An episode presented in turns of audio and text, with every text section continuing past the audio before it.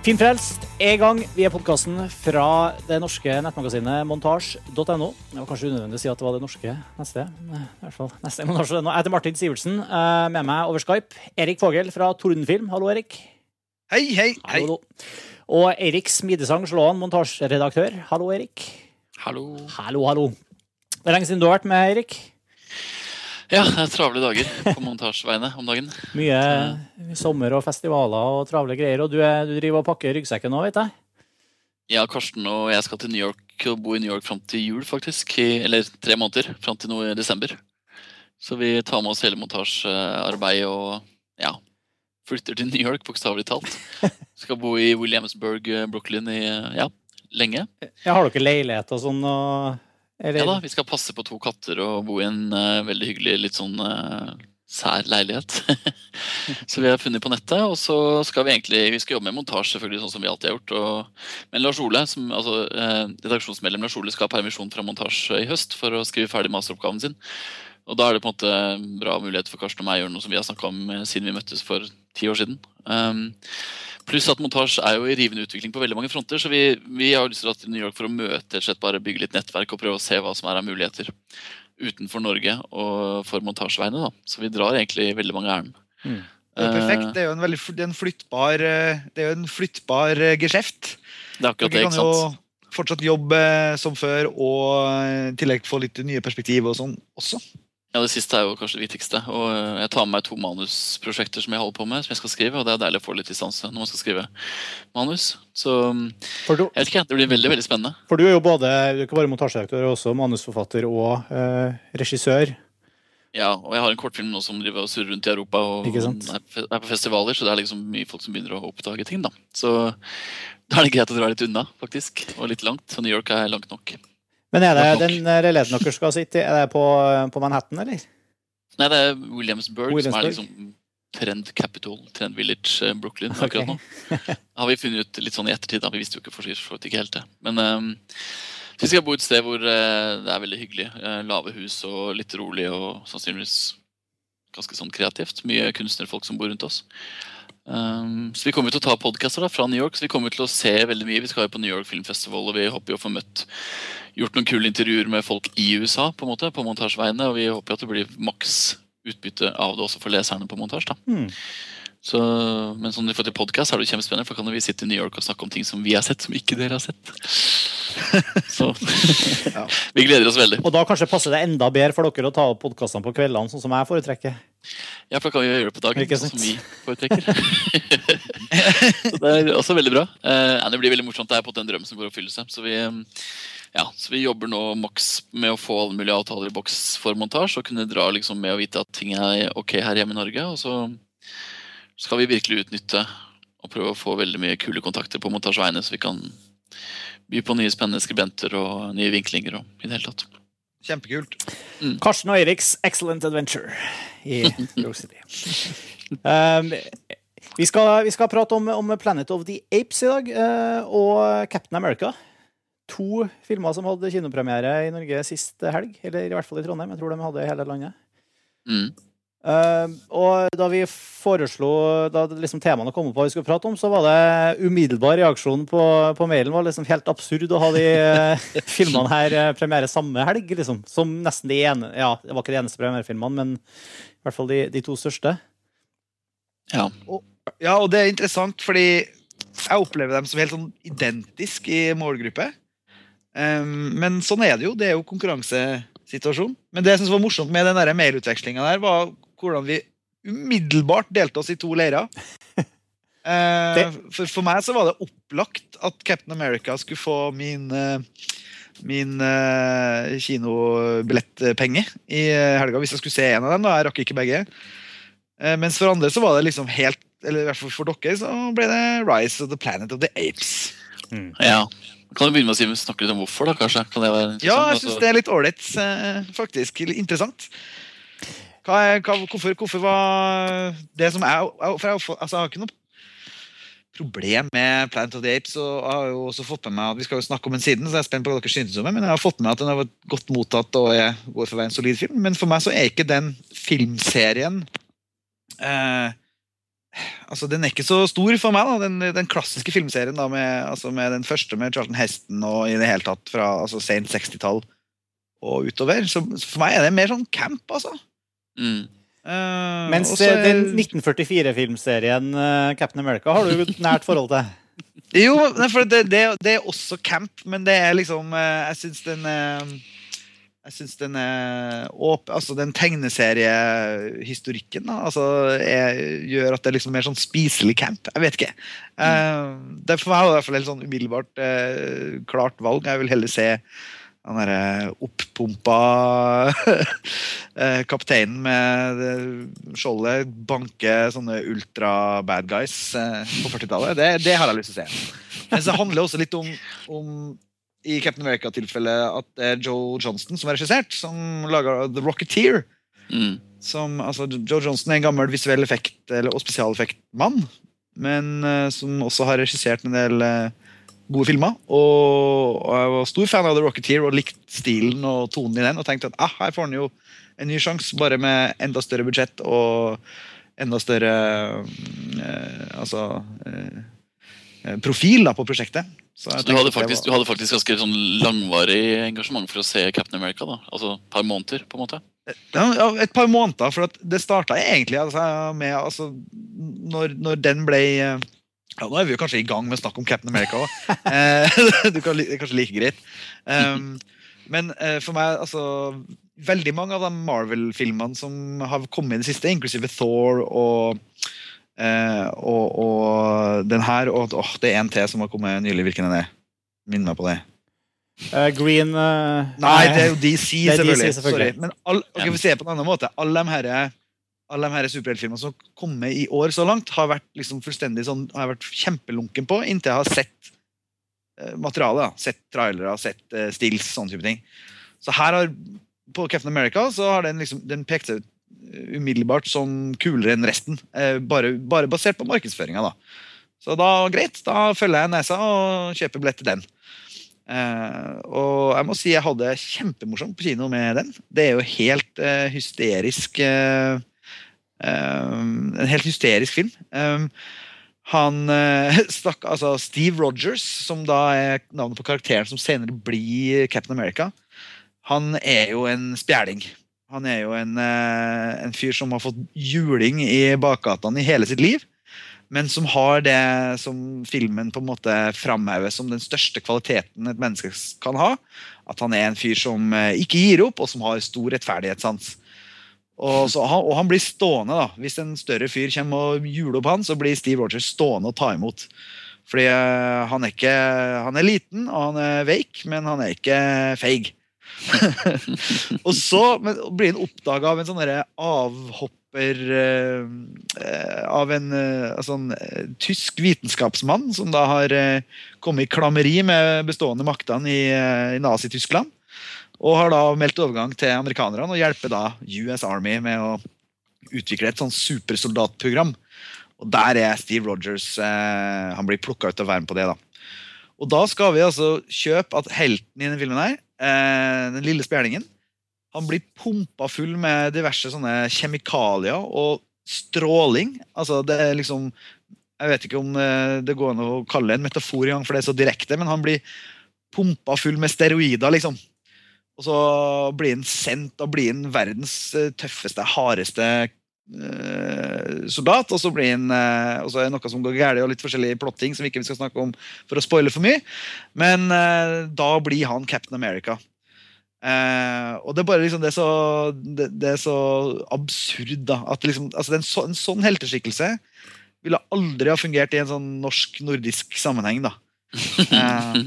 uh, altså, ta putten, stappen full med kjemikalier. Det er nesten som Han er egentlig sånn sett motsatsen av uh, Rocky, da. Altså Hvis dere husker Rocky 4, Mm. Uh, hvor du har den treningsmontasjen hvor uh, Ja, med, med Ivan Dolferen. Drago Hæ? Med, med Dolferen. Med Dolf Lundgren som Ja. Ivan Drago, som blir, som blir liksom Der han har 20 sovjetiske vitenskapsfolk rundt seg, og han pumper jern på det høyteknologiske greier. Han blir stappa full med drugs. Så har du kryssklipp med Rocky Balboa som er ute i skauen og løfter tømmerstokker, liksom. Ja, Tråkke i to meter i dyp snø. Ja, men Captain America er Ivan Drago, da. Eh, og det er det som jeg syns gjør det Jeg synes det er bare rasende festlig, da. Og det, og det ligger jo en sånn barnslig sånn teknologiundring og øh, respekt på en måte her. For her står de liksom med sånne svære konsoller sånn, i sånn deilig 40-talls production design. Svære konsoller med knapper og spaker, og, og det er jo da også faren til han øh, til Tony Stark. Altså I Marvel-universet, øh, Tony Stark som er Iron Man, han hadde en far som var en berømt vitenskapsmann og oppfinner.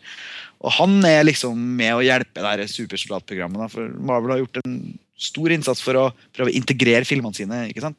Mm. Eh, så der har du en sånn tråd som går igjen fra Iron Man. Og det er også andre tråder som, eh, som går til Thor, og til selvfølgelig peker jo alt mot eh, Avengers, eh, The Avengers som kommer neste år. Men uansett, da, du har, eh, du har en sånn det, det er liksom en sånn pulp eh, stil på det som altså I den opprinnelige betydningen av ordet. altså Flash Gordon, 30- og 40-talls serials, da. Som jo opp, opp, også var inspirasjonen til, til George Lucas når han laga Star Wars, delvis. Så det, er liksom sånn, det er noen sånne kulturelle tråder her som jeg syns er håndtert veldig bra. Um, og, og filmen er spennende, actionen er velregissert. Um, og den er morsom. Den har, eh, den har selvironi. Det blir, eh, for å liksom oppsummere litt, så altså så mm, altså, Mot slutten så var det et par større sekvenser som føltes mer som en sånn der, mer av samme greie. De klarer ikke liksom å ha stigning, stigning, stigning, stigning holde det helt ut. Men likevel en eh, veldig vellykka superheltfilm, syns jeg. Og, og med masse, masse fine nikk til, til filmnerder. Og, og, og ja, fantastisk production design. Og, jeg syns også eh, jeg syns også Chris Evans gjør en eh, hederlig innsats eh, som den her litt sånn irriterende, rettferdige eh, Captain America-karakteren. Han er så gullende god i hjertet sitt han at det er ingenting som kan velte han. vet du. Og så må jeg bruke noen Det her blir en lang tirade, men jeg, må, også bruke liksom to ord på, på Hugo Weaving, som eh, altså, vi kjenner som Agent Smith fra Matrix-filmene, blant annet. Han spiller jo The Red Skull, som er liksom eh, Altså Nemesis. Selvfølgelig da hovedantagonisten. Ja. Hæ? Ja, det er hans, hans, hans Ja, nemesis. Hans nemesis. Ja. Som selvfølgelig også da Han er, mye, han er jo tysk, men han er liksom mye slemmere enn naziene. Han lurer jo liksom med sine forskningsprogram, så sitter jo han bare og tyner Hitler for penger, så han kan eh, gjøre, få villa si. Og, eh, og den er gjort Altså Den karakteren er gjort eh, Altså, stemmen er jo Han har jo studert Werner Herzog. Han, eh, han eh, Hugo Weaving. Sånn at du har liksom en sånn herzogsk aksent som er helt fantastisk. Okay. Eh, og, jeg ler og ler og ler fordi jeg gjorde den koblinga når jeg satt der. Eh, og da liksom hele filmen satt jeg og koste meg med liksom herzogianisma, da, hvis jeg kan kalle det det. Eh, eller Nei, det går ikke an å si. Det går ikke an å si. Men at liksom her, Herzogisma, da, det Ja. sånn, som han eh, lirer av seg. da. Eh, og det som å høre den gamle mesteren eh, i, eh, i, i eh, altså, Han har liksom vært brukt en sånn for åndemaningsteknikk han Hugo Weaving for å få ut den karakteren sin via Werner Herzog. Og så er det en bisarr greie at det er jo en scene i filmen som foregår i Norge også. Eh, det, har ikke jeg, liksom, det var jeg ikke forberedt på. En kort, kort eh, morsom scene tidlig i filmen. Og det er hysterisk morsomt, det, det lille vi ser av hvordan Hollywood tolker pulp-versjonen av 40-talls-Norge. Eh, eh, det er utrolig morsomt. Er det morsomt det er det morsomt generelt i, på filmen? Nei, jeg tror det er morsomt for andre, andre i det norske publikummet. da, For å se liksom eh, eh, Nei, Jeg skal ikke spoile hvilken by det er de eh, har en liten scene i, men det er ikke Oslo. Er det, er Eh. det morsomt fordi du er norsk, eller morsomt fordi det er morsomt? Ja, det er morsomt fordi jeg er norsk. Ja, ok. Ja. Ak akkurat, det, akkurat det lille poenget der. Mm. Men som underholdningsfilm så syns jeg den var jævlig bra og anbefalesverdig. Men- Eh, Mm. vær så god, still spørsmål. Ja. eh, Det første jeg reagerte på, var jo at Hugo Weaving var bra. Fordi Hugo Weaving er både som Elderon og som uh, What's His Name i Matrix, jeg er ingen Matrix-fan, så er jo han for meg veldig kjedelig. Hvis han har greid å gjøre en karakterprestasjon, så er jo det i seg selv verdt å kanskje få med seg. Ja, jeg syns det. Altså Innafor uh, rammene av universet. Altså Det er liksom ikke altså, Til å være superheltfilm altså, Det er ikke like på en måte bra jobb som vi så f.eks.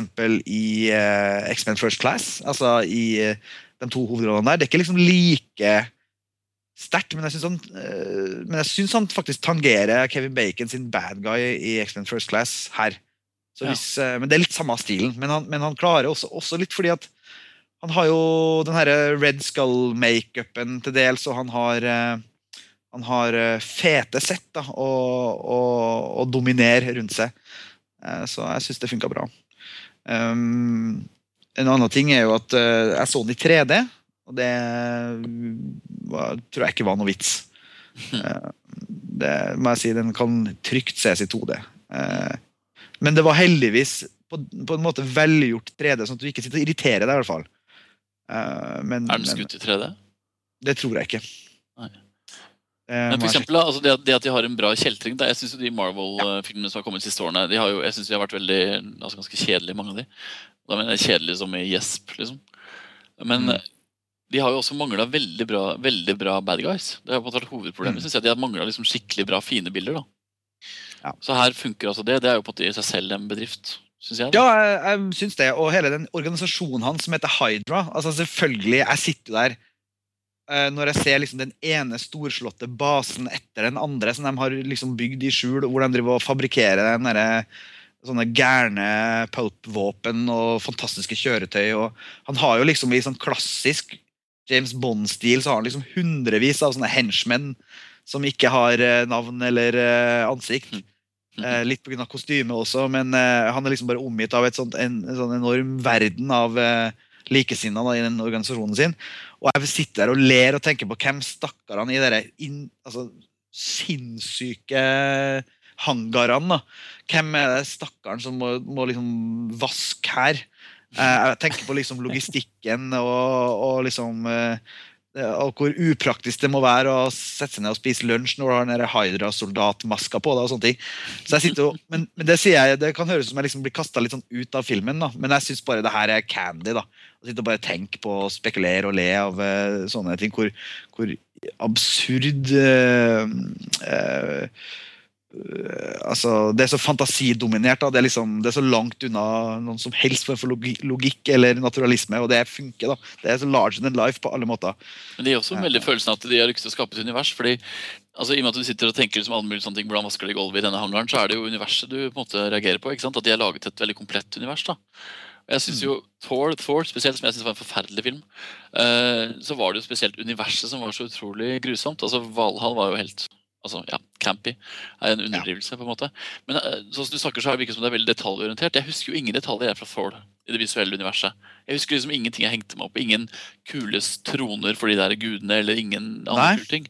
Men her virker det som det er ganske mye candy, som du kaller det. da, altså Mye smågodt å, å kose seg med. Og det er jo, det er jo på en måte noe som Marvel som produksjonsselskap føler jeg har på en måte nesten mislykkes med. Da. De har ikke greid å bygge opp det som de selv det som de får til, har fått til i tegneserieformatet over veldig mange år. Har de ikke greid å visualisere på lerretet. Og det har vært veldig skuffende, i og med at de selv har hatt produksjonsstyringen på filmene. Ja. Uh, og det, Nå fikk jeg lyst til å se den ene og alene for at du sa det. Ja. Jeg, jeg, jeg, kunne sittet her i en halvtime og snakka om Uh, kanskje verdens kuleste enmannsunderbåt. Uh, underbåt, ja. Undervannsbåt, som er der som en uh, som er sånn Hydra-ting. Eller om Eller om det her våpensystemene de lager. Eller, altså, det, det, kule gadgets og kjøretøy. De har skjønt kjøretøy da, i denne filmen. her Og det ja. fysiske, i stor grad, da, med unntak av noen selvfølgelig visual effects-drevne sånn flygesekvenser, og sånn, så har de bygd de her greiene. De har de har bygd motorsykler, de har bygd eh, kjøretøy. Så det er på en måte veldig, veldig guttefilm, da. Eh, på den måten. Men jeg tror eh, Ja, eh, jeg syns de har klart en, en, følelse av skala på det her, da. For, for eksempel har du en lang forfølgelsessekvens i Brooklyn på 40-tallet. Gjennom masse smug.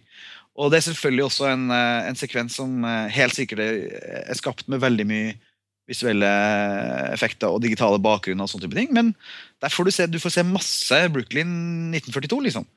Um, uh, og så får du Det ligger jo i sakens natur, jeg tror ikke det er noen spoiler, at uh, mot slutten så er det jo et poeng at, han, eh, at Captain America havner jo etter hvert, i hvert fall til, eh, til filmen The Avengers, så skal han jo våkne opp igjen i vår tid, ikke sant? Og da får du sett det også uh, her, da.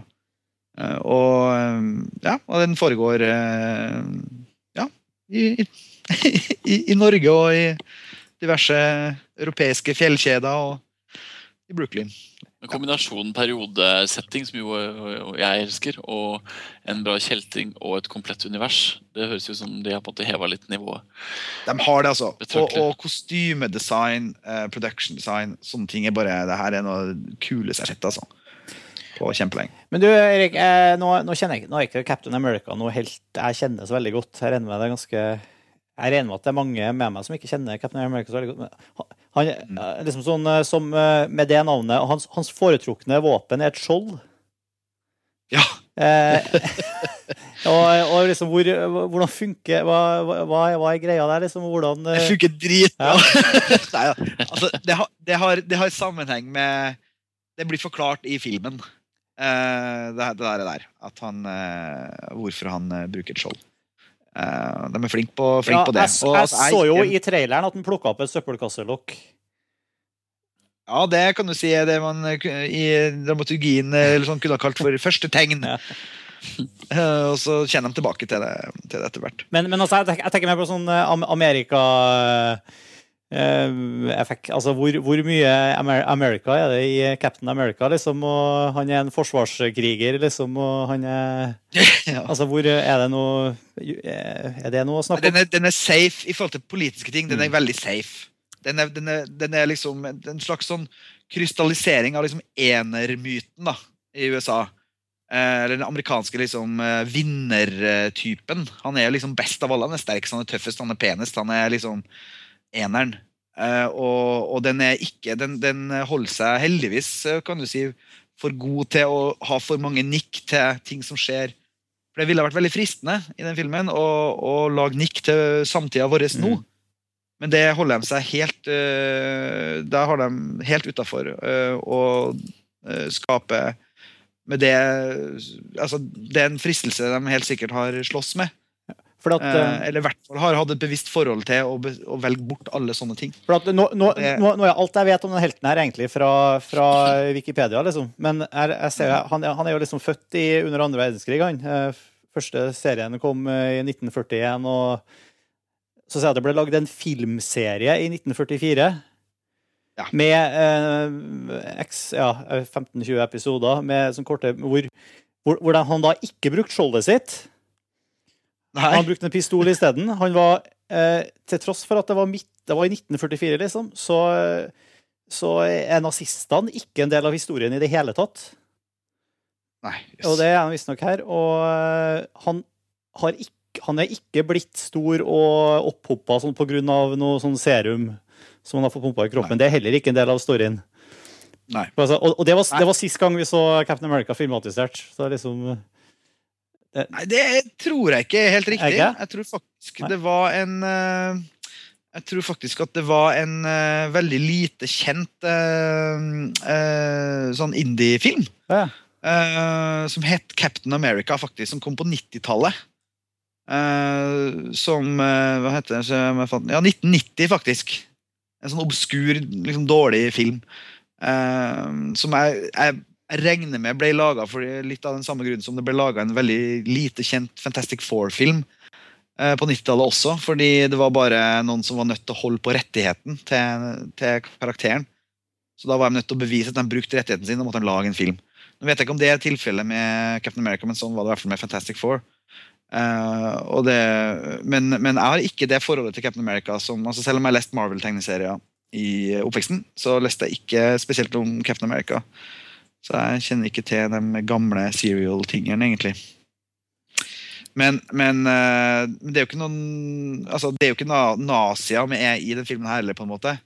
Det er jo liksom Hydra er jo en sånn forsknings eh, eh, teknologifetisjist eh, underavdeling som, som Hugo Weaving sin karakter driver.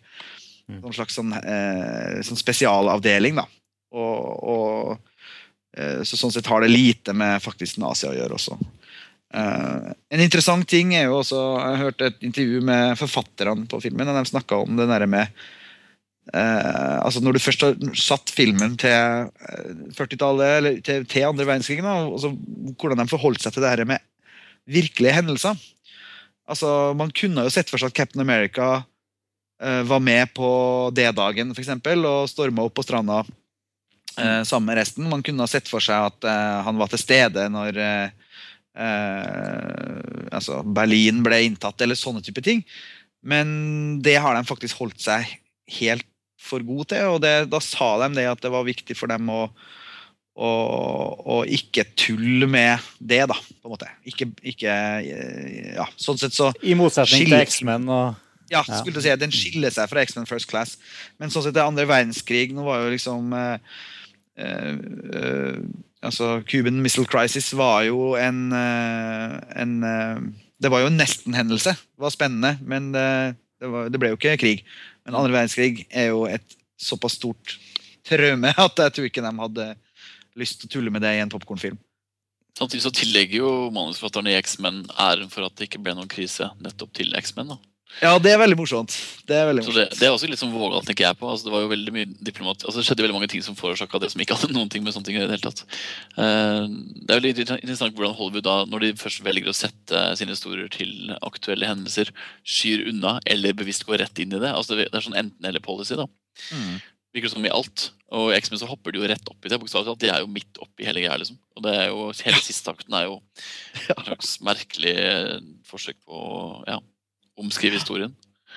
Jeg synes jo Det er veldig fascinerende, samtidig som jeg lurer på hvordan på måte, den generasjonen som nå ikke vi lenger tilhører, men som vokser opp Sitter på skolen på en måte og har sett X-Men og skal lære om Cuba-krisen samme uke. liksom. Hvordan det funker. Det var det samme innspillet jeg hadde til Facebook-filmen. Ja, ikke sant?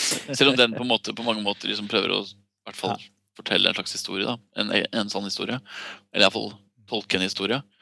Så er det interessant å se på hvordan en type en 14-åring som skal lære om Cuba-krisen for aller første gang, kan gå hos X-Men og få beskjed om at nei, nei.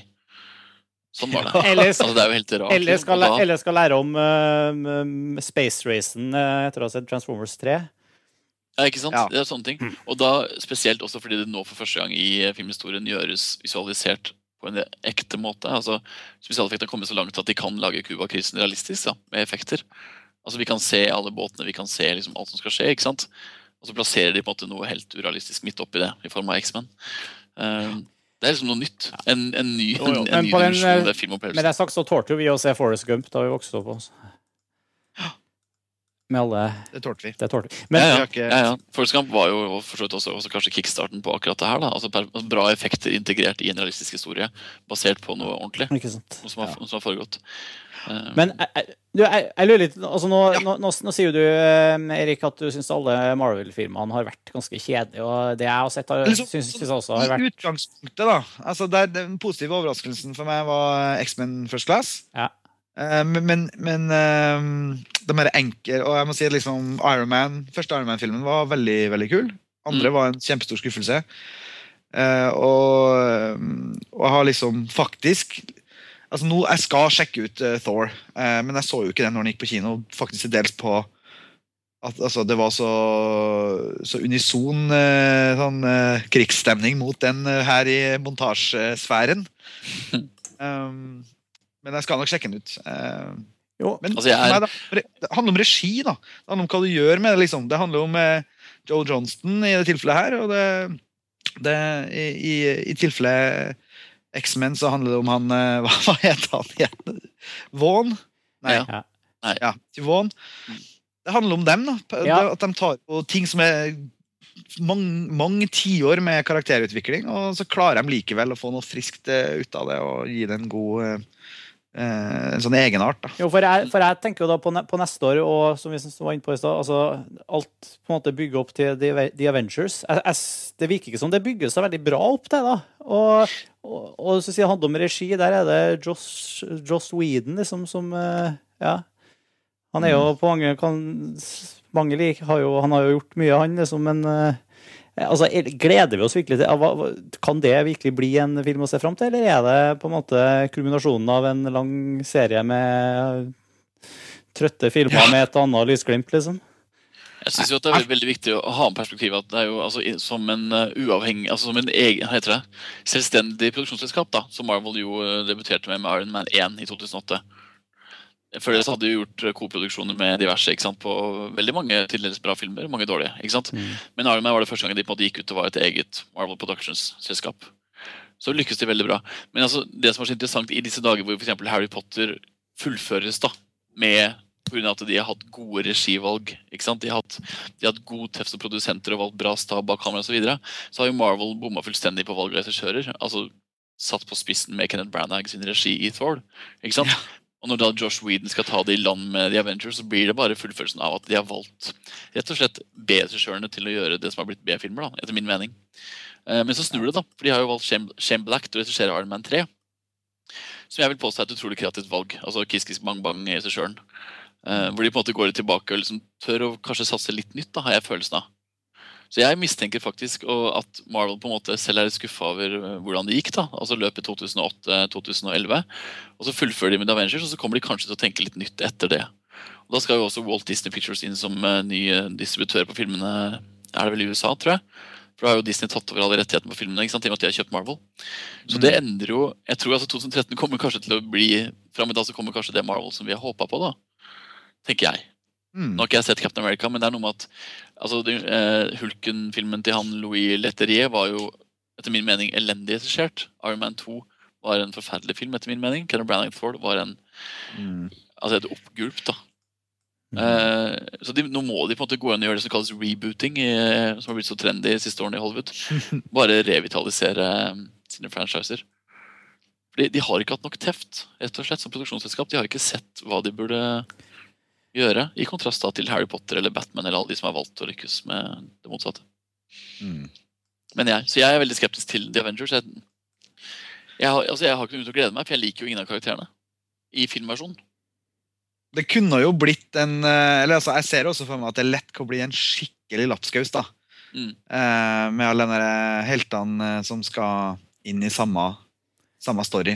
Litt sånn Ja. The Expendables. Det som Josh Ja. Whedon jo takler, er jo nettopp ensemblefilmer. da. Han har altså Ja. til TV-serieopphavet hans. Det han takler, er jo på en måte å sette veldig mange karakterer som er kule hver for seg, men som er enda kulere sammen.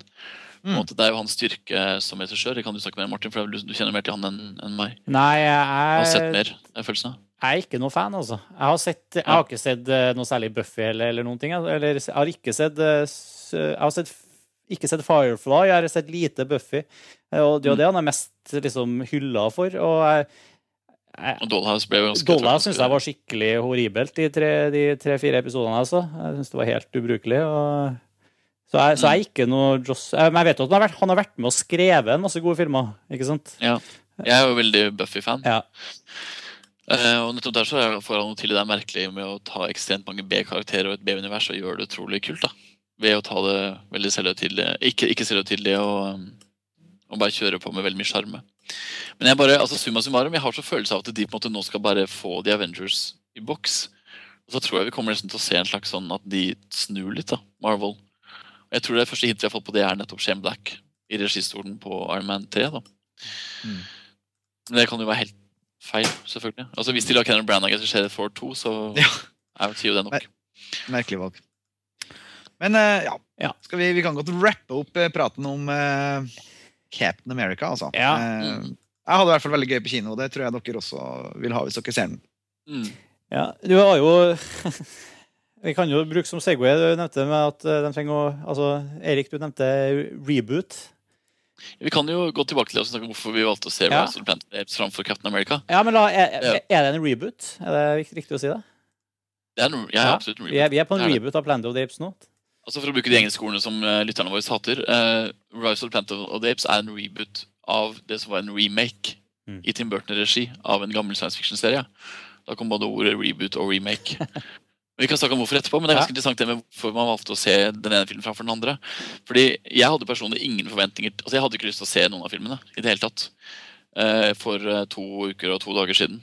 Men så skjedde det noe veldig interessant i USA, som dere sikkert fikk med dere. hvor Altså, Rise of Planet Apes var en film som ytterst få hadde forventninger til. Den, den lå veldig lavt på radaren. altså Den, den ble ikke fanga opp av, Altså veldig mange de sleit med helt tatt å få noen oppmerksomhet på den. Veldig tydelig vist på Facebook-fansiden til filmen, hvis det går inn og ser der. I forhold til andre lignende Facebook-sider. Um, men så jo, valgte jo Fox, da, som de kanskje burde gjort to måneder før, å vise filmen. rett og slett. Altså De valgte å bare testvise den til enkelte kritikere og en del uh, nerder. på en måte. Og da gikk det altså fra å være ja nei, altså nå kommer den der eh, filmen til han der eh, duden, ja den skal vi kanskje ikke se, til at anmeldelsene bare Eller busten var at det her jo var årets beste Hollywood-film. Og det skjedde i løpet av én dag. Altså For meg som sitter så mye på nett og følger med på nettsider, så merka jeg bokstavelig talt at det gikk fra å være dagen før ingen bryr seg, til at alle skulle se denne filmen. Mm.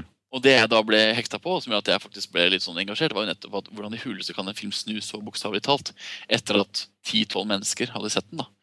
Og blant de 10-12 så var det noen kritikere, altså noen sånne velplasserte kritikere, sånn type Ann Thompson og sånne ting.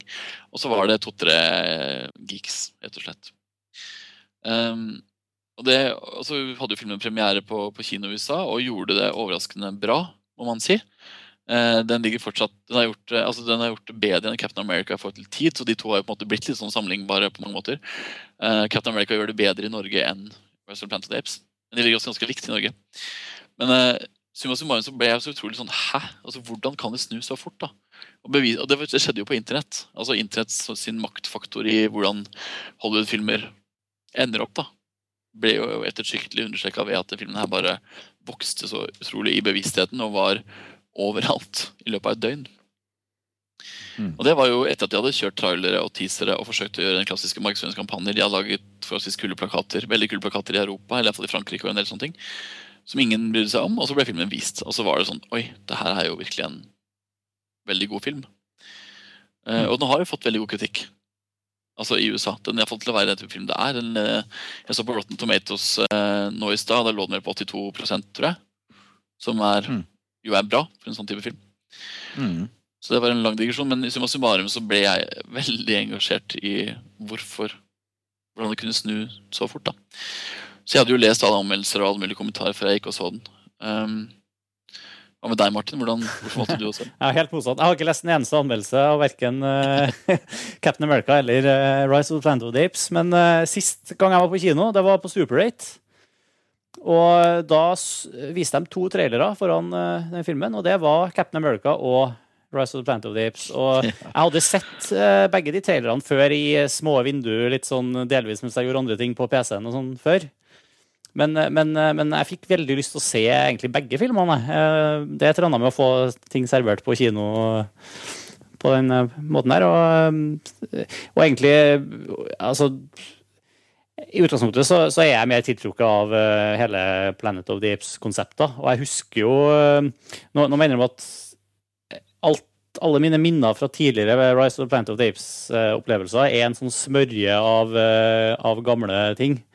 For jeg har ikke sett Tim Burton-filmen, eh, men jeg har sett uh, Charlton Heston-filmen og uh, TV-serie og jeg vet ikke hvilke av de andre filmene jeg har sett. liksom. Um, så der er jeg på en måte ikke noen sånn kjenner av serien. Um, derimot så anbefaler jeg, hvis, bare så det skal ha sagt, hvis dere syns at det er for lite detaljkunnskap over Planet of the Ace-mytologien her, så har Tor Joakim skrevet en veldig god artikkel på montasje.no, og i kommentarfeltene der og i Tor Joakims artikkel så er det masse, masse nerding om eh, for uh, Planet of the Apists. Og den plasserer jo da nettopp det som vi begynte å snakke om. Den ja. plasserer jo da, eller forsøker jeg å plassere filmen i sammenheng med de tidligere filmene. på en måte. Vi kan jo snakke litt om det eventuelt innledningsvis. Men, uh, jeg må jo si at jeg syns jo, jo, den første filmen synes jo jeg, altså Nå har ikke jeg noe inngående kjennskap til den, men jeg synes jo det er eh, den er jo på min sånn topp ti science fiction-favoritter. Det må jeg bare si. Mm. Jeg syns den er veldig veldig god. Uh, jeg har jo sett Tim Burton sin film og husker fortsatt uh, den absurde skuffelsen etterpå. Trass i eh, enestående musikk og produksjonsdesign og sminke, som det for så vidt alltid er i Tim Burton-filmer. Um, så jeg, mitt forhold til Planet of the Apes er at jeg syns den aller første filmen er veldig veldig god, og resten som deg er en smørje. Bortsett fra Tim Burton sin, som jeg husker som en veldig trist opplevelse. Ja. Men den her da, Martin. Um, ja. ja.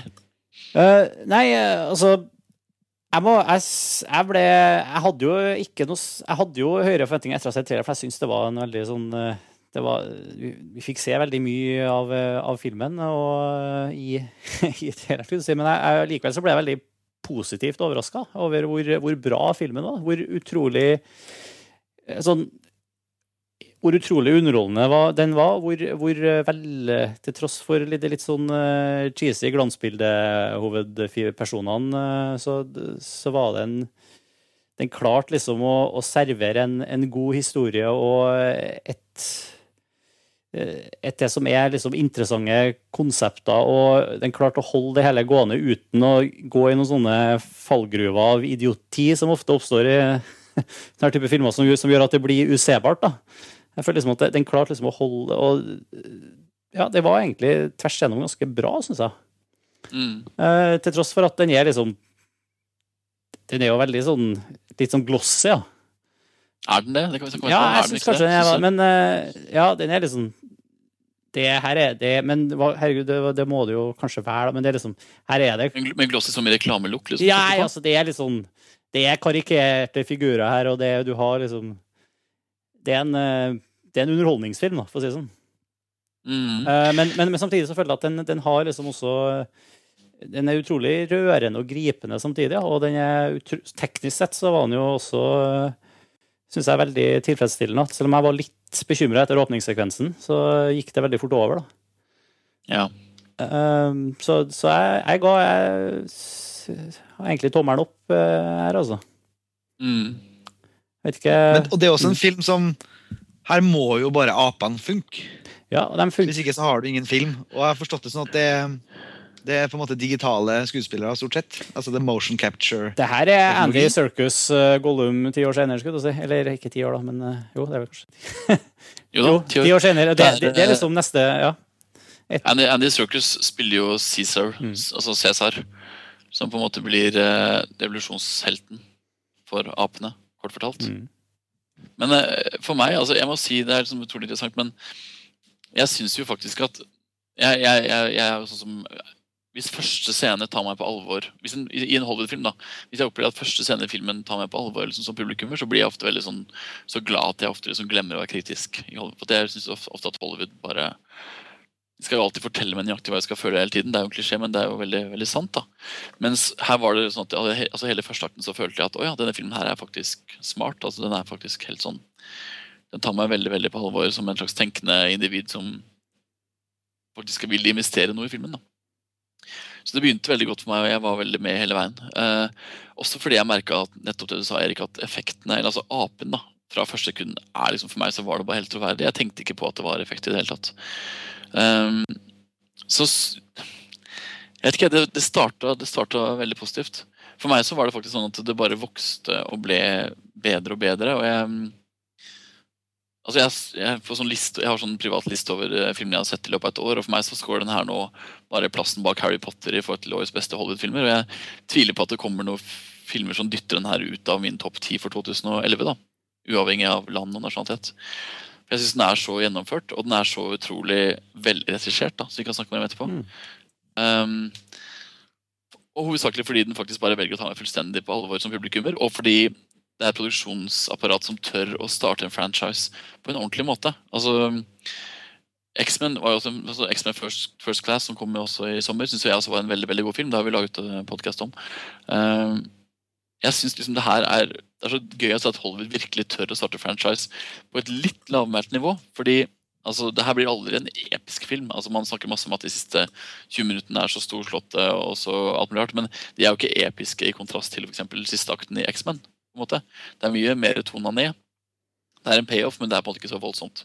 Men det lykkes med at den setter så utrolig tonen for de neste filmene. og det, Jeg hørte folk som snakke om det når vi gikk til kino, at det var sånn der, shit, hvor skal de ta det her, og hva kan skje? Og, altså De legger opp så utrolig mange løp. da. Vi fikk skikkelig lyst til å se mer, da.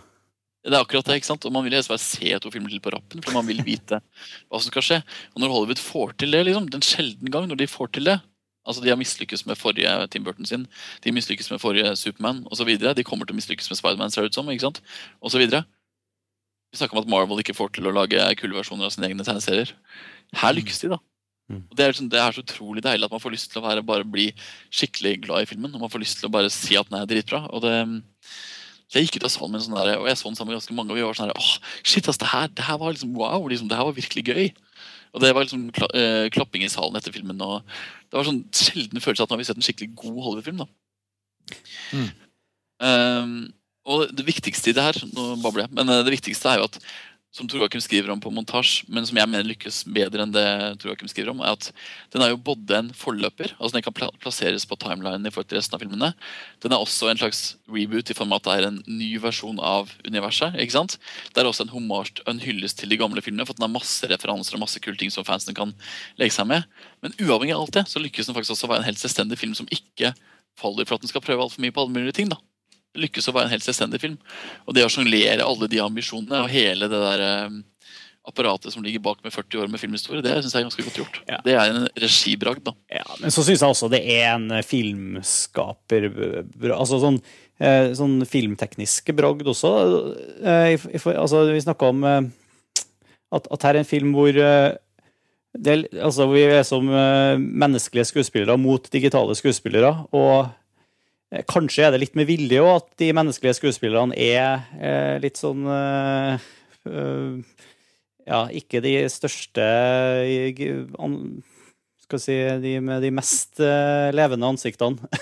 mens, Mm, altså- mens, mens det digitale apene her er utrolig medrivende, og du har utrolig dyktig i å skape empati hos deg som seer. Og eh, du har litt den derre kombinasjonen med at når det handler om dyr og om barn liksom, som, blir, som har det fælt, og blir, da er du med med en gang. Liksom. Og, Mm. og det spiller den filmen er veldig bra på. Og, og sånn sett syns jeg at det er en sånn eh, teknisk og regimessig bare å få til det. Da. Og jeg, bare litt, litt grann i forhold til det du sa, vi, vi sa jo egentlig to motsatte ting her i forhold til åpninga på filmen. Jeg var litt sånn skeptisk et, eh, fra første sekund uh, når jeg så de digitale apene, mens du var helt med. Og grunnen til at jeg sa det, var at jeg syns apene fungerte ut, nei, altså, fullstendig perfekt på, i nærbilder. Mm. Jeg syns illusjonen brast litt grann for meg når du ser dem i fullfigur, og de springer og, og flyr rundt, og sånn, hvor jeg føler at det fortsatt er liksom 95% på, på at de ser eh, virkelig ut som store, tunge Mm. aper som, eh, som beveger seg 100 livaktig. Liksom. Det, jeg føler at det var der det kanskje det skorta noe sted, da, mens, mens på ansiktsuttrykk og, og nærbilder og sånn, så er det eh, ikke, kanskje ikke fotorealistisk i forhold til at de ligner på ekte aper, men i hvert fall så realistisk at jeg, at jeg tror på det som en, eh, som en filmape. da.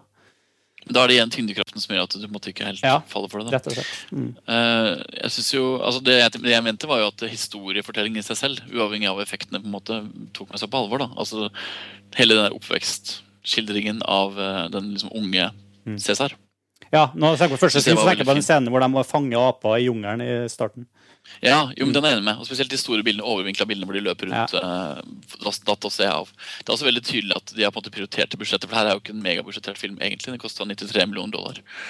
Og 93 millioner dollar i dagens Hollywood er jo ikke megabudsjett. sånn som de gjør nå lenger. Men det virker meg som at de har på en måte prioritert budsjettene utover i effektene. Så de på en måte lar effektene bli bedre og bedre i forhold til hva de har brukt tid på. da.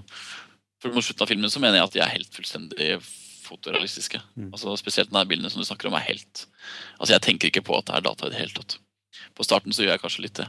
Um, men jeg tenkte mest på selve fortellingen. da Altså Jeg, jeg liker så godt at de har den første akten om uh, hele den barndommen til uh, apen. da Mm. Uh, kan si at Filmen er regissert av en litt sånn merkelig figur. da I forhold til at det er en såpass stor film. Det er jo Rupert Wyatt som har laget den. Som er en uh, ja, ca. 40 år gammel regissør. Som har laget én spillefilm før, som heter The Escapist. Som var i Sundance. Har du sett den? Som ikke jeg har sett, men som fikk veldig mye oppmerksomhet etter Sundance. Fikk den mye ros. Uh, vi kan linke til den for under podkasten. Og så har han laget uh, en dokumentar som jeg finner på Wikipedia uh, her. Som har vunnet pris. Ellers har jo på ikke han laget noe lignende så stort. Og han har i hvert fall ikke operert med den type effekter og som du om i stad. Den regibragden i å greie å håndtere liksom, effektelementene samtidig som det skal være en, eh, en fortelling bak her, er jo veldig godt gjort. Med tanke på at han er såpass uerfaren på akkurat det feltet. Så det er veldig, det er veldig mange sånne ting. Um, åh, det er mye å snakke om her, merker jeg. på den her. Mm -hmm. Men jeg, jeg syns du nevnte kanskje det viktigste her, da. At, at, at det er en smart film, liksom. Den, du, Ja. den, den, er, den kan gå i så mange retninger som den ikke går i, og den, den undervurderer jeg ikke for mye, i hvert fall, da, som, som ser. og det smarteste med den er jo hvordan manusforfatteren nettopp har greid å sjonglere alle de der altså Den kunne jo bare gått og blitt bare en film som fikk en heseblesende siste akt som gjorde at du bare fikk en ultimat payoff. liksom. Men den greia istedenfor å altså Den får på en måte til både payoffen og den følelsen at du bare må se mer. Eh, alle mulige sånne ting er jo også manusting som gjør at det jeg vet ikke, Det er så, det er så gjennomført. da, det er så trolig gjennomført. Og den lykkes jo veldig mye på, altså det, som, det som Tim Burton bomma på, var jo at Tim Burton for det første gikk i den visuelle fella som Tim Burton ofte går i. At han, han glemmer å fortelle en historie, og så legger han bare på visuelle dimensjoner i, i, i mengde liksom oppå hverandre. Uh, men Tim Burton så, var så ekstremt besatt at han skulle lage en film som var på nok i seg selv. Han, han, glemte liksom at han skulle starte en franchise, han glemte at han skulle bygge opp et univers i forhold til film nummer to og tre. Her er det så tydelig at fra starten av så skal de virkelig etablere noe nytt. da. Og det gjør at du, måte, du, sitter faktisk litt og leter etter tråder og ideer om film nummer to ganske tidlig i filmen. da. I hvert fall gjorde jeg det. Uh, og den der lille sånn ideen, altså den har jo rulletekst, og så kommer det litt sånne ting midt i rulleteksten som gjør at man får litt mer innsyn i hva som kan komme til å skje. Liksom, og til og med altså, credits i seg selv er en liten pekepinn på hvor filmen skal gå. Man blir jo veldig fascinert og veldig sånn Oi, shit, det her kan jo bli kjempespennende. På, på alle mulige måter. Uh, effekten er laget av Veta. Ringenes herre Avatar-gjengen. Well done, Weta. Og Det er jo morsomt at de forteller det samme Glossy, for jeg synes jo faktisk at det som var mest kult med det, at den nettopp ikke var Glossy. Så det kan vi jo krangle om. Ti minutter.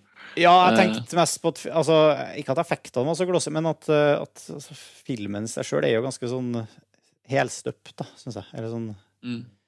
Det er veldig, jeg synes det er ganske fascinerende, fordi Avatar hadde jo altså det å kalle det avatar fotorealistiske effekter er jo tøys, fordi avatar var jo ikke et fotorealistisk univers i det hele tatt. Det var jo på en måte et helanimert univers hvor dermed karakterene kunne tilpasses perfekt.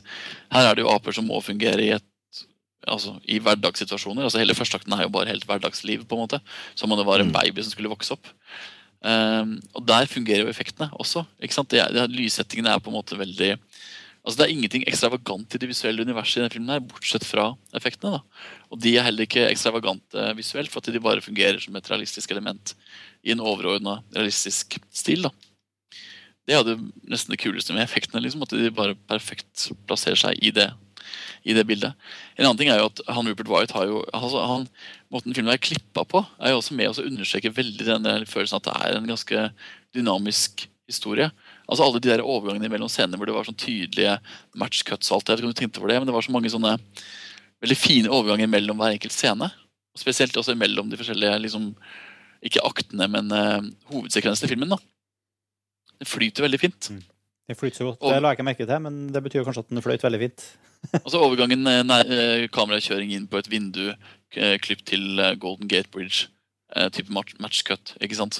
Eh, kjøring går opp, kjøring går ned i neste bilde. Altså, det er film som virker som at den er på en måte planlagt ekstremt fra regihold. Altså, de har på en måte ikke skutt masse materiale som ikke de har brukt. Liksom at De har liksom nesten bare liksom visst hvordan filmen skulle bli på, på, på storyboard-stadiet fullstendig. Og det også i seg selv må jo ha noe med at det er effektarbeid. Men altså, det, bare, det virker som at han Rupert White har visst nøyaktig hva han skulle lage. da. Mm. Og det, Hvis du får sett på det, så kan du, kan du tenke litt over hvordan den er klippa sammen. fordi den er, Det er sånn 20-25 rett og slett veldig fine sånne overganger som bare gjør at du føler at du er med i en slags sånn fortelling som bare flyter, flyter av gårde, mens vi følger på en måte oppveksten og livet og revolusjonen og alt som skal skje. da.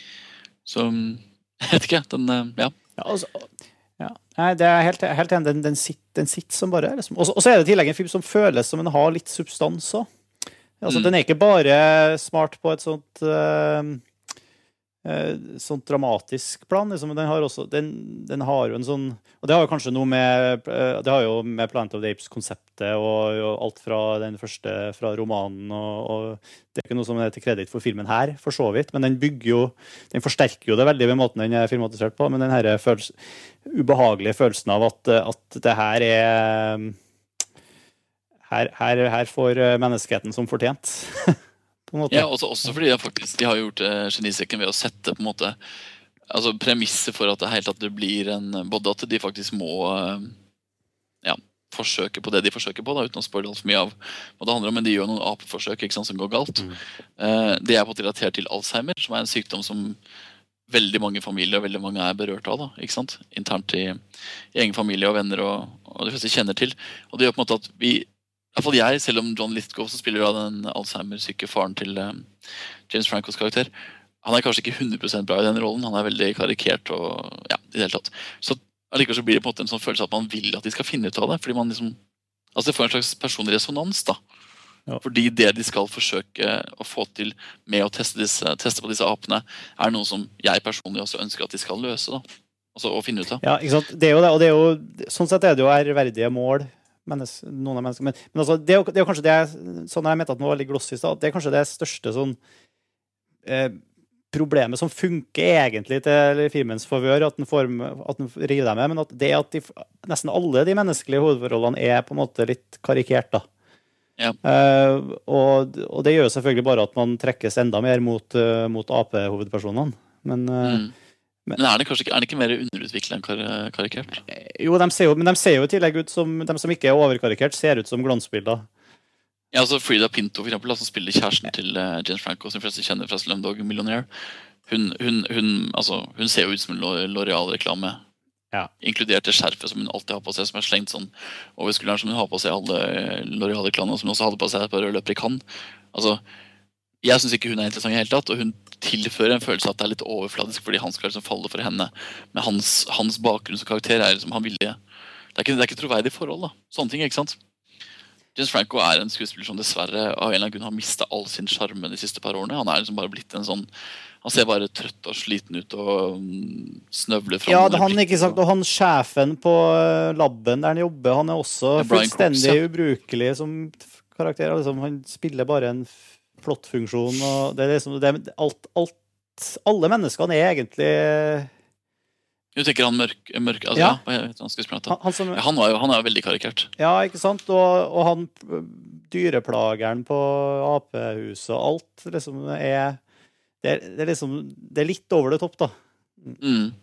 Det er også interessant at det er veldig tydelig at både regissøren og, og altså hele, altså alle har vært mest engasjert i apene. For så er det jo noen kjøringer langs med apebur. Husker, altså husker alle de når de på bare kjører forbi apene og viser apene? Der tror jeg nok det er noen uh, ordentlige aper òg. Ja, det må det være. altså det, men altså, nå skal sies at, fall, La oss si at det er 20 karakteraper da, i filmen, som jo er animert, så er jo 10 av de med på de kjøringene. på en måte, ikke sant? Og jeg mener, De kjøringene liksom, hvor ingen sier noen ting, hvor det er kun lyder av aper, de er jo så mye mer interessante. Mm. Altså Jeg satt jo på en måte og så på de bildene og bare granska apene. For det var så kick at liksom de hadde fått til å lage liksom skikkelige apekarakterer. da.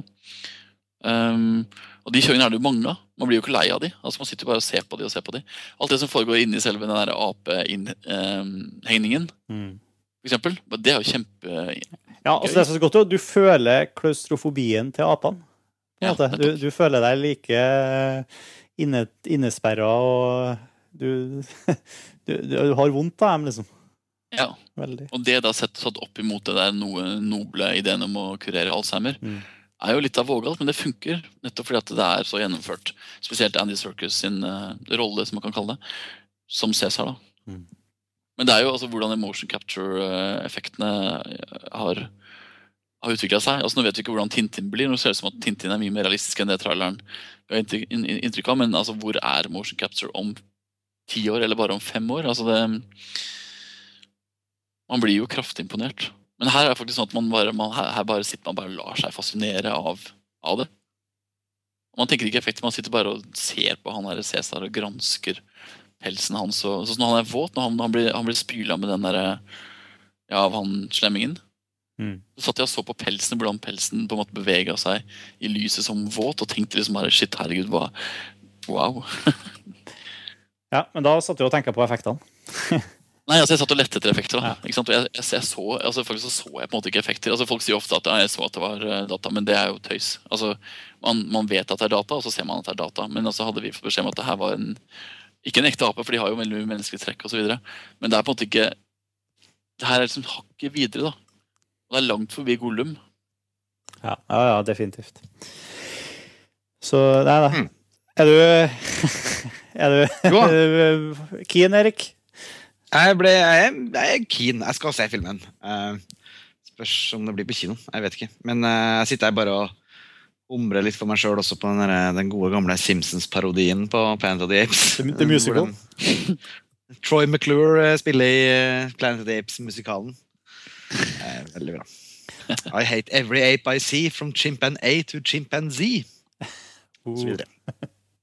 Men det er fall summa så er det veldig fascinerende at Hollywood lager en franchise kickstarter som jeg mener står som fjellstøtt i forhold til de tidligere filmene. Og det er tenkt som en trilogi, har jeg forstått.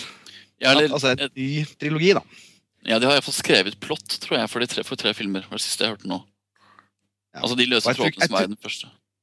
Og jeg tror ikke det er så uvanlig. liksom, altså, du, du prøver en reboot som det her. og så, altså, ikke sant, Hvis, hvis den 1998-versjonen til Tim Burton hadde vært steinbra, så hadde vi sikkert fått to-tre filmer ut av det den gangen òg, men det funka ikke. Da ble det lagt på is, og så er det tatt opp igjen nå. Og så funka den første filmen, så betyr det at ja, da blir det to til. det er sånn det funker. Return of the Rise of the Planet of the Apes. Curse of the son of the Back to the Return of Rise of the Curse of the Son of the Planet of the Apes. Det morsomme- Det er at De kan jo ikke lage Plant of the Apes Altså de kan ikke lage en film som heter Plant of the Apes enda. De må jo lage en film imellom. på en måte Uten å spoile Ja! av slutten, så må det jo flere ting til. Femmeren, femmeren så heter det bare Planet Apes. Og så er det jo Journey to the Planet of the Apes. Da. De kom jo i et romskip i begynnelsen av Ja. Det er jo veldig morsomt at de faktisk har med det at det er et Mars-fartøy som har blitt borte. Som en liten sånn subplott i, i filmen. Ikke subplott engang, det er bare med nevnt et par ganger på en nyhetssending. Jeg fikk med deg fikk jeg ikke med meg engang. Det er veldig morsomt. De har jo med liksom det at det har forsvunnet en uh, astronaut et eller annet sted utenfor Ja, det, Mars. det var et av dem, det var en av de tingene jeg lurte på. Om de refererte til det, om de knytta det til den aller første filmen. Det er visst veldig mye sånne referanser og sånn som ikke jeg fikk med meg, fordi jeg ikke Mm. sitter så godt inne i de filmene. Men uh, det er visst krydra med referanser for, eh, for, eh, for kjennere. Mm. Mm. Det er, ja, både i sitatform og visuelt og i hele tatt. Navn, da. Alle apene har jo navn som på en eller annen måte spiller på de gamle. Men igjen, det har Tor Joakim tatt nøye for seg i montasje. På montasje. Mm. Så, eh, men det høres i hvert fall ut som vi har, eh, hvis vi kan liksom eh, oppsummere, at vi har faktisk sitt med to knallgode Hollywood-filmer. Eh, Ja, de redda sommeren litt. uten at jeg skal, jeg skal gå god for eh, Captain America, så tar vi ditt ord for det, Erik. Ja, dere må nesten gjøre det. Vi har ikke noen annen. Men da tror jeg vi eh, går videre i programmet og er innom, eh, stikker innom Gjett filmen-konkurransen vår. Det er altså en eh, pågående konkurranse her i, i Filmfrelst hvor vi spiller klipp fra filmer. Og så skal dere som hører på, prøve å gjette. eh, og høre, høre om dere klarer å dra kjensel på hvilken film klippet er fra. Så forrige episode av Filmfrelst så spilte vi det klippet her. Game, game. What you got in there? In here?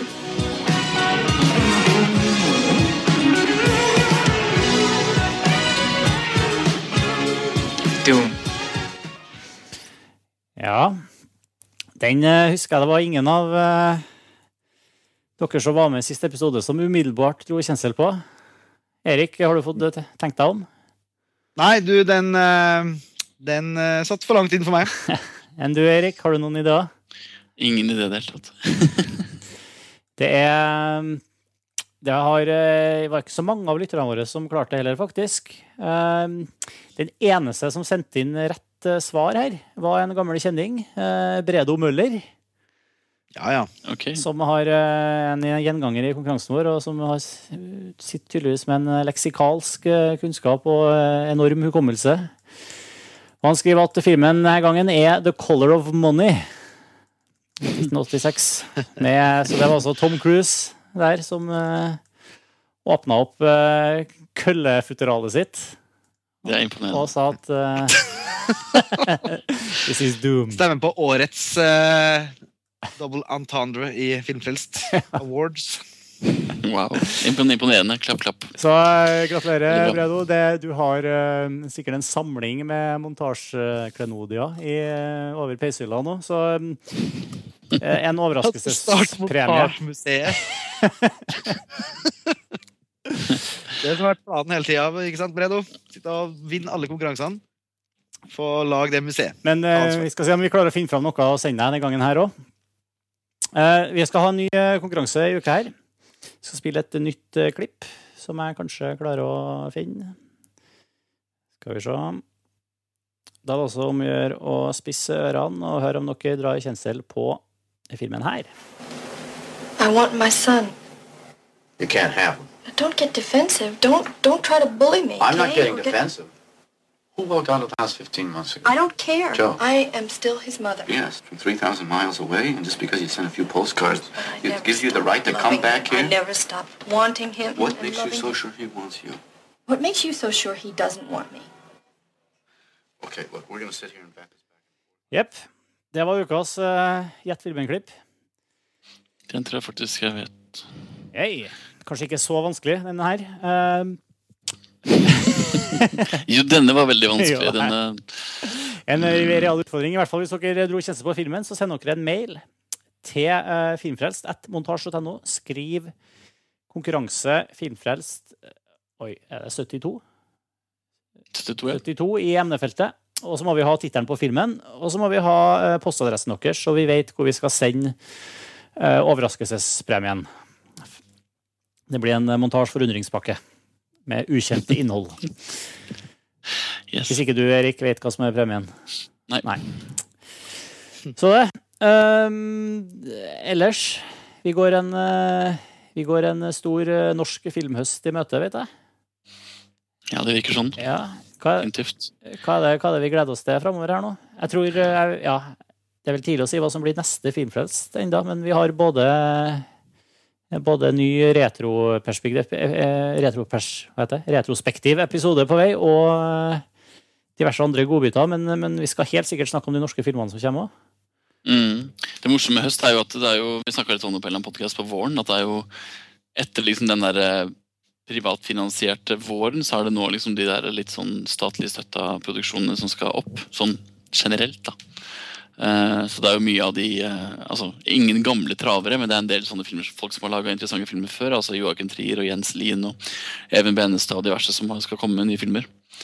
Eh, Og så er det veldig variert. Altså, det er jo mest interessant, det er et ekstremt mangfold fra liksom jeg vet ikke, komedie i Concurling til dokumentar i Pushwagner. På, på begge på hver sin måte liksom at de tar den sjangeren fullstendig på alvor da, og gjør noe litt sånn friskt og nytt. Skikkelig seriøs slags sånn seksualisert tenåringskomedie i Få meg på, for faen.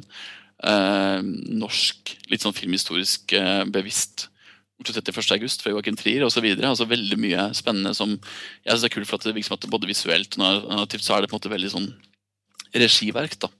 Så vi får en høst med tydelige signaturer på, på filmene. Og så virker det som tydelig, altså, det er tydelige sjangre. Det er liksom eh,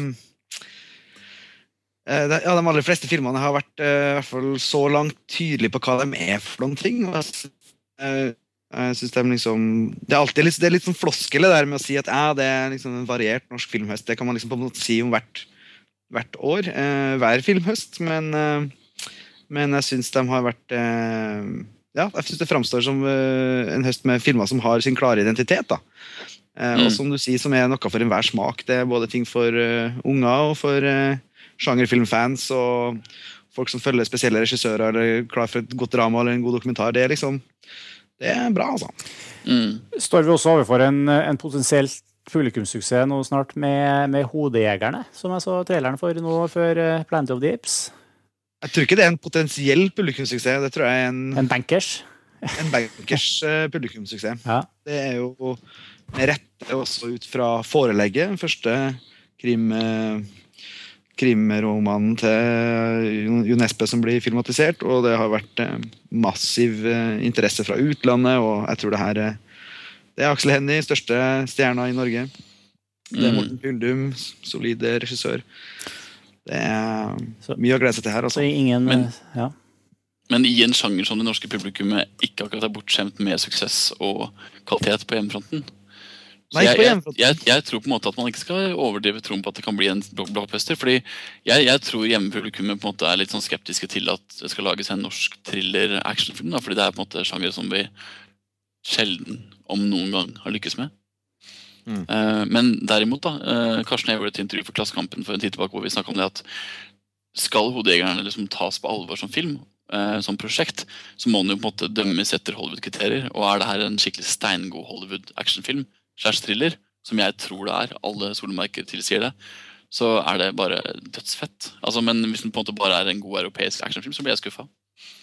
Men jeg ser er- mer i, mer, i, mer i Nordic crime thriller, det gode norske begrepet. Mer i den sjangeren. Det som, det som altså- Svensk har gjort eh, så bra på, liksom. Hva sa du? Det som på en måte Sverige har greid å Ja, ikke sant? At det er på en måte eh, Millennium-serien som det her skal måles opp imot. Ja. Som, eh, både i forhold til hvilken distribusjon det får uh, ute, men også hvilken oppslutning det får hjem. da. Mm. Um, og, det, og det er jo klart at der har jo både Millennium-serien og Wallander og andre har liksom uh, åpna opp uh, og uh, for distribusjon av disse filmene, ikke minst pga. at bøkene som har vært basisen her, har gått så bra. Og Jo Nesbø er jo også en sterkt stigende stjerne i, i utlandet. Han er vel allerede en stor hit i både USA og England. Mm. Så, så det blir spennende å se. Eh, det er faktisk, Jeg har tenkt litt, litt på, på det her altså, i, i relasjon til en litt sånn annen sjanger. Hvis du ser på Hvis, hvis, hvis, hvis, vi, vi, vi setter de her filmene i Nordic crime thriller-båsen en litt øyeblikk, så ser vi på en annen sjanger som har vært veldig stor i sommer og siste halvår, egentlig. Som er den herre grovis-komedien fra Hollywood. Eh, som på en måte Den første Hangover-filmen eh, starta på en måte den, den moderne bølgen av det, og så har det blitt fulgt opp av alle i år. Da, som, så har alle de her, eh, andre filmene som ville være med i den båsen, har kommet. Altså Bridesmaids og Hangover 2, selvfølgelig. også. og det har kommet masse flere i USA som ennå ikke har kommet hit. Og sikkert mange har glemt som er ute i Norge òg. Men der har det nå vist seg at det, der har det stoppa. Nå er den sjangeren ferdig. Eh, liksom den, den fjerde liksom, voksenkomedien som kom på kino i USA, eh, den, eh, og den femte, begge dem liksom gikk til helvete. Da snakker man om at den sjangeren er oppbrukt. Mitt store spørsmål er hvor lenge varer den her nordiske krimfilmen? Mm. Er det fortsatt plass til Og f.eks. hvis skaperne av Hodejegerne får en stor suksess med det her, vil toeren og treeren og fireren og femmeren også være gangbar? da? Det blir veldig interessant å se framover. Altså. Mm. Og så er det jo faktisk sånn at nå har jo jeg vet jeg faktisk ikke helt hvordan det er, men Jon Espe har jo også hele Harry Hole-serien. Jeg vet ikke om den nå er solgt til Er den solgt til England? Skal ikke den på BBC? Er det ikke de som endte opp med å kjøpe rettighetene på Harry Hole? Jeg tror det var et eller annet, men jeg tror det var et eller annet med det. skjønner du. Men det må vi Mm. bare sjekke kildene på. Eh, det var noe med det, Men jeg tror kanskje, det er noe, jeg tror kanskje den der Yellow Bird er involvert også. Ja. Som, som produserte Millennium-filmene, og som er koprodusenter på Hodejegerne. Som er For det som er litt av liksom clouet her, er jo som du sier, at hvis måte, hodejegerne virkelig bekrefter det vi alle tror, da, at det er en virkelig gjennomført steingod actionthriller på en måte, av beste merke, så Mhm. vil jo det på en måte bare gjøre at fra utlandets perspektiv så vil jo ikke det være noe forskjell på om det er svensk eller norsk actionthriller. på en måte.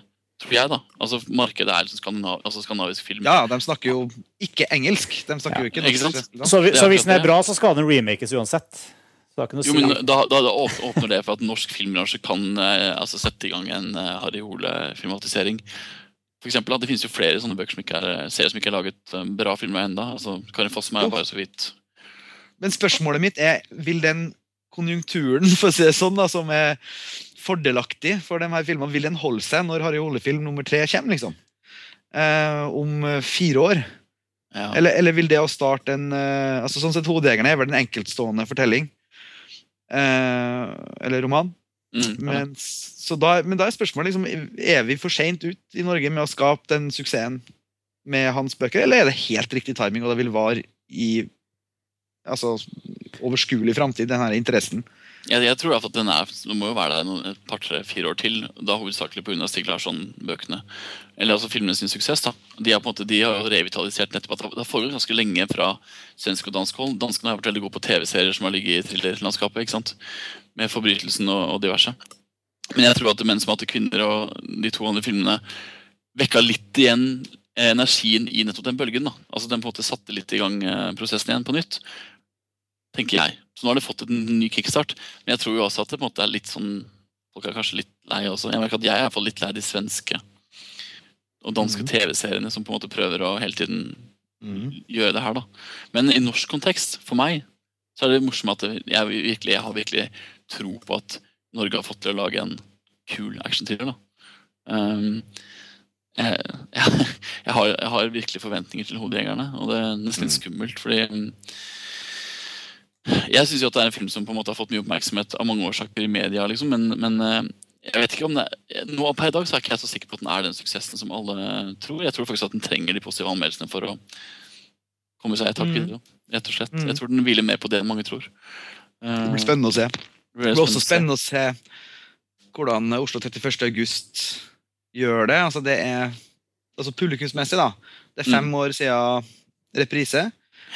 Eh, som eh, fikk liksom et ok besøkstall, men det var egentlig ikke poenget mitt. Men, men eh, spørsmålet er hva som har skjedd imellom i forhold til om, om, om Oslo 31. august kan bli en større film gjennom alle dem som har oppdaga reprise i etterkant. da som Mm. har sett den på video, eller som har lest om den, eller som har liksom fått med seg den, den opp gjennom årene som har gått. Da. Så jeg er veldig Mm. spent på den. og eh, ja, altså, ja, Vi kunne jo snakka i timevis om, veldig- om forventninger til veldig mange av de filmene her. men eh, Mm. Jeg er også litt spent på om merkelappen eller merkevaren Joachim Trier er på en måte, altså Det er jo en merkevare internt i bransjen, men jeg er veldig spent på om på en måte publikum ser det som en attraksjon seg selv. Det har vært så mange personintervjuer av han under Cannes videre. Det kommer flere fremover nå, sannsynligvis. Altså, det er bare det med at jeg, jeg håper jo virkelig at publikum nå endelig investerer også i en regissør. da.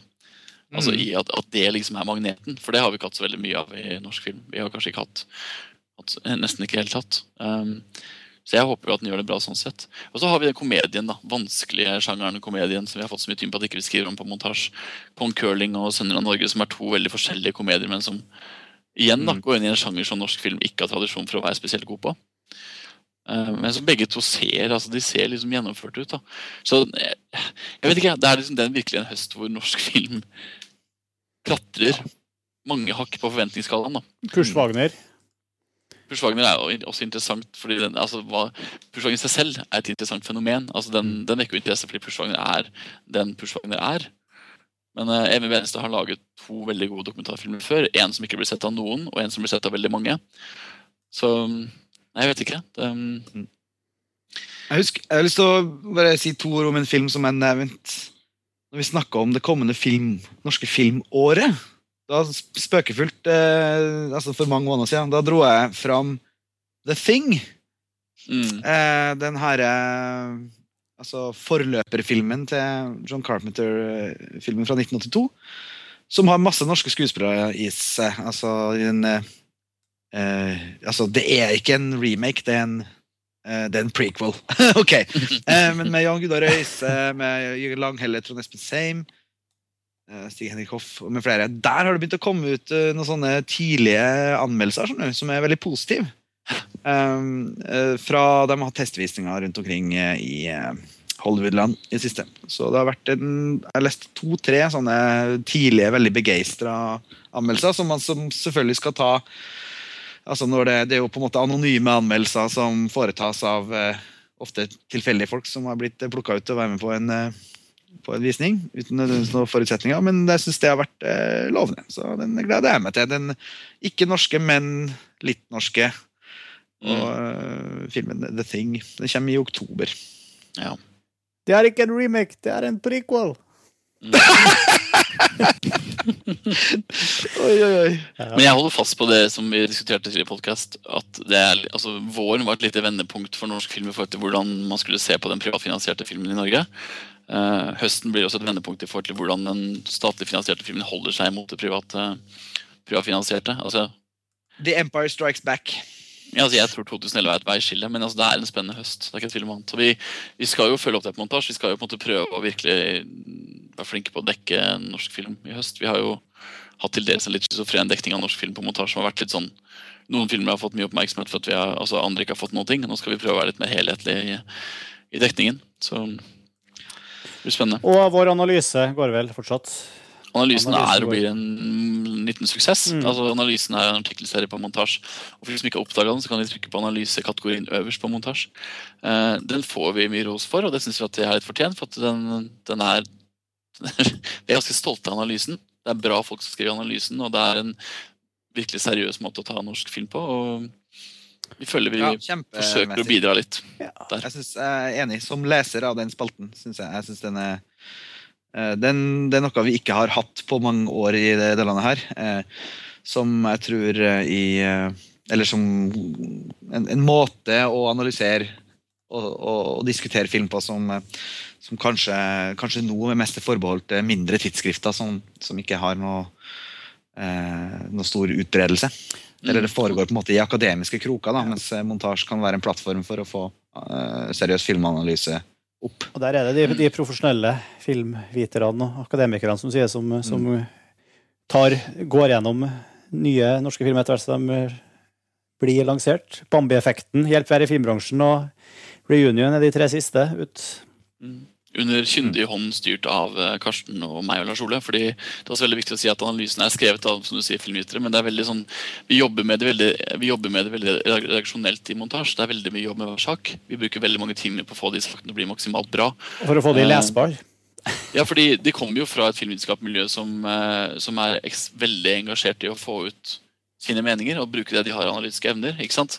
Og Vi ønsker jo også, de skal også være formidlingsdyktige forhold til våre lesere. så vi det er veldig spennende med analyse hvordan saken endte opp med å bli. og så jobber vi veldig mye med det, og Nå satt vi senest i går og forsøkte da internt på kontoret å fordele det som er jeg tror det er faktisk 20 eller 22 analyser som skal ut i høst på montasje. Eh, og det er jo 22 arbeidsdager for oss og 22 arbeidsdager for disse filmgitterne. Så det er mye jobb, men det er veldig morsomt, fordi det er veldig mye motivasjon i at folk syns at, at det er gøy. Eh, vi skal også hente fram de filmene som kom på kino i år før vi begynte med analysen. Så vi skal ta en DVD-analyse på Tomme Tønner 2 og Konger av Oslo. og Filmer som vi på en måte ikke fikk med oss. da. Så målet er at hele 2011 her skal være dekket av analysen når vi går inn i 2012. Eh, og dermed kan vi si at vi har et, en komplett gjennomgang av den norske filmåret 2011 på montasje. Mm. Veldig bra. Jepp. Skal vi eh, legge på røret der, skulle jeg si? Skal vi si oss fornøyd med eh, dagens filmfest? Ja. Vi har eh, Ja, Får vi la være opp til lytterne. nei, jeg sier meg fornøyd. Husk at det er lov å komme med forslag til tema, altså retrospektive tema osv. i kommentarfeltet. Det, det er lov. Vi har fått mange. Eh, Dere kan sende mail til filmfelles.montasj.no, eller eh, bruk kommentarfeltene flittig. Og vi lover at vi leser alt som blir skrevet både på mail og i kommentarfeltene. Så tusen takk, eh, Eirik Smidesang Slåen, Erik Vågel. Og det her har vært eh, Filmfrelst. Vi høres om et par uker.